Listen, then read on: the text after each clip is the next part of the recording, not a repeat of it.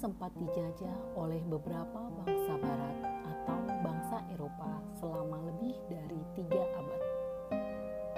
Pada masa penjajahan, sejumlah bangsa barat merebut kekayaan tanah air dan mendatangkan penderitaan bagi rakyat Indonesia.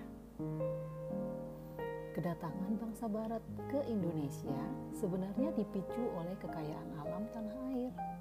Kala itu, bangsa barat sudah tertarik dengan Nusantara yang memiliki tanah yang subur, lautan luas, keanekaragaman hayati, hingga rempah-rempah yang melimpah. Akhirnya, bangsa barat pun berlayar dan mendatangi Nusantara untuk berdagang dan mendapatkan rempah-rempah.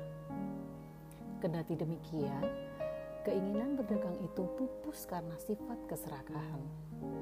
Niat untuk berdagang akhirnya tergantikan dengan praktik penjajahan. Bangsa Barat berupaya menguasai Indonesia sebagai negara penghasil rempah-rempah terbaik dan terbesar di dunia. Di sisi lain, praktik penjajahan bangsa Barat juga dipengaruhi oleh beberapa faktor, 3G atau Gold, Glory, Gospel. Kolonialisme bangsa barat mengacu pada semboyan Gold, Glory, dan Gospel, yaitu Gold. Bangsa barat ingin mendapatkan kekayaan sebanyak-banyaknya untuk meningkatkan perekonomian negara. Karena itulah mereka mendatangi Indonesia sebagai sumber rempah-rempah. Sebab rempah memiliki harga yang tinggi jika dijual glory.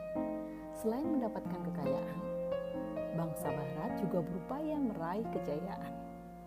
Mereka hendak menjadi penguasa di berbagai negara. Ini karena negara yang memenangkan perang dan banyak menguasai tanah dianggap sebagai negara paling unggul. Ketiga, gospel. Bangsa Barat berusaha memperluas keyakinannya di Asia untuk memenuhi tugas mulia sebagai umat Nasrani oleh karena itu, mereka menyiarkan ajaran agama Nasrani ke seluruh wilayah Nusantara.